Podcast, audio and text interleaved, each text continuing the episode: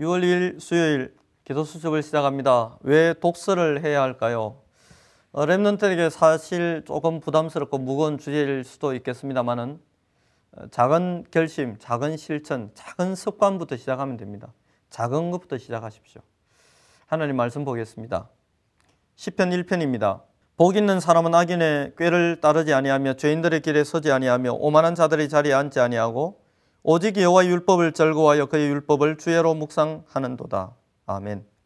시냇가에 심은 나무 이 나무가 뿌리를 잘 내리면 과실을 맺고 열매를 맺게 됩니다. 아무리 좋은 나무라 할지라도 척박한 땅에 심겨진 나무는 좋은 열매를 맺을 수가 없습니다.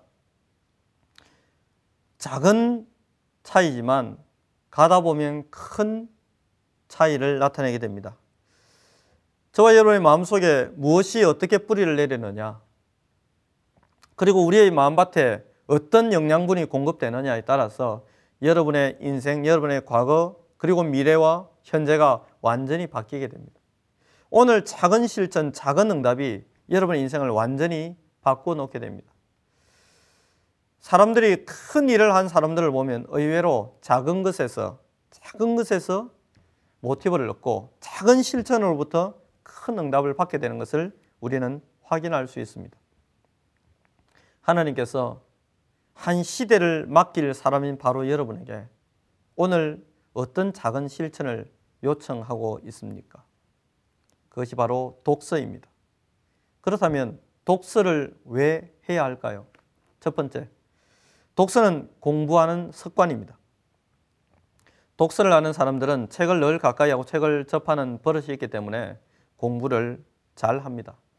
어릴 때 독서하는 습관을 가지면 공부를 잘할 수밖에 없습니다. 늘 책을 손에 쥐고 독서를 하다 보면 습관적으로 저자와의 대화를 하게 되고 습관적으로 체질적으로 이미 책 속에서 말하는 요지를 파악하는 요점을 파악하는 저자가 말하는 그 내용들을 파악하는 습관이 갖춰져 있기 때문에 공부하는 습관도 자연스럽게 공부하면서 승리하는 습관도 자연스럽게 갖추어지는 것입니다.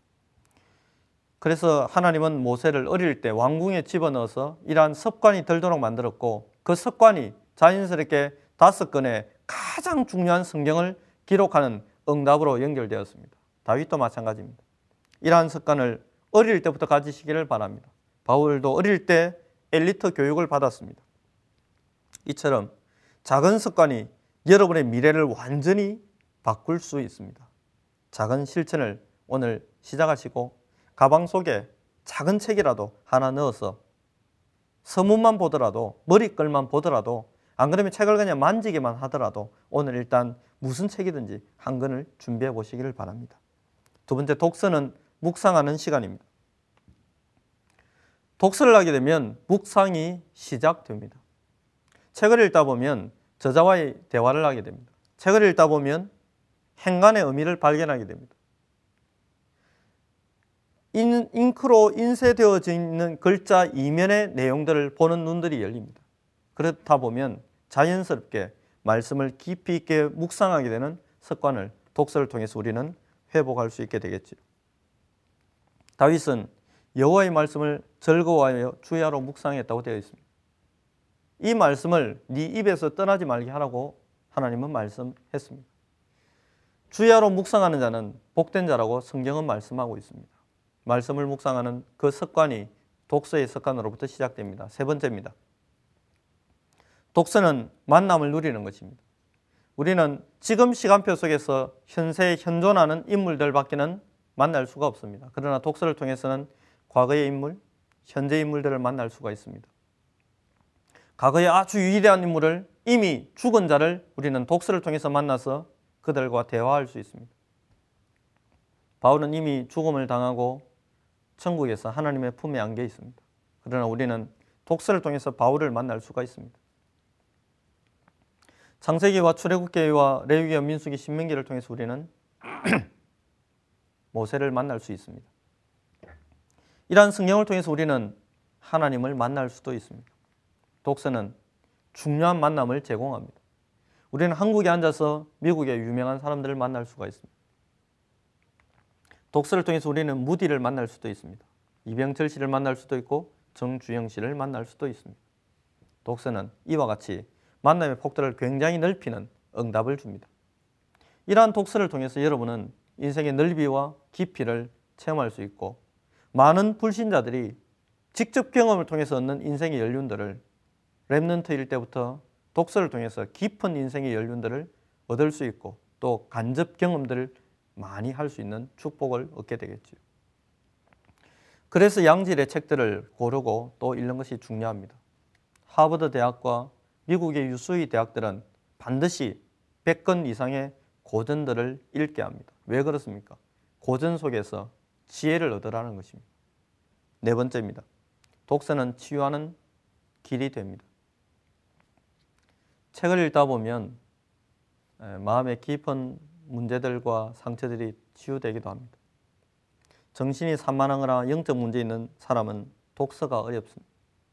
이들에게 치유가 필요합니다. 독서의 습관을 통해서 집중력이 생깁니다.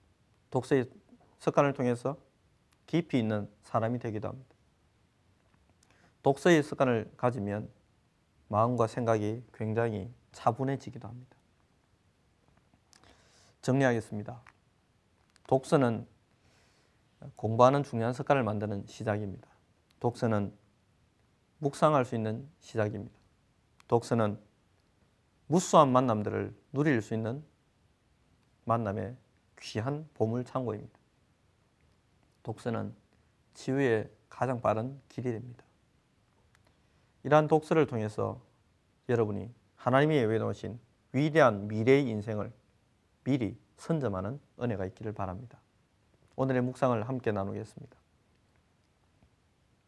독서의 습관은 매우 중요합니다. 매일 잠깐의 시간을 내어 하나님의 말씀을 읽고 좋은 책을 읽도록 계획을 세우십시오. 삶이 풍성해질 것입니다. 오늘 읽을 성경 본문과 읽을 책을 선택해서 읽기를 시작해 보세요. 제가 대학 대학에 들어가서 독서에 관한 책을 읽었습니다. 그 책에서는 이렇게 한번 도전해 보라고 했습니다. 지금 당장 도서관에 달려가서 가장 두꺼운 책을 고르십시오. 그리고 그 책을 생을 걸고 끝까지 완주를 하십시오. 그러면 책이 더 이상 무섭지 않게 될 것입니다. 라는 글귀를 발견하고 실제로 도전했습니다. 가장 두꺼운 책을 읽었습니다. 힘겨운 포기하고 싶은 마음도 있었습니다. 그러나 완주했습니다. 그러고 난 뒤에 어떤 책도 두렵지 않는 그런 힘을 얻게 되었습니다. Remnant 여러분 한번 생명 걸고 도전해 보시기를 바랍니다. 기도하겠습니다.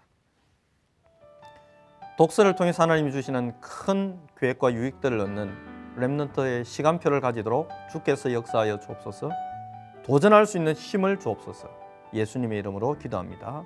아멘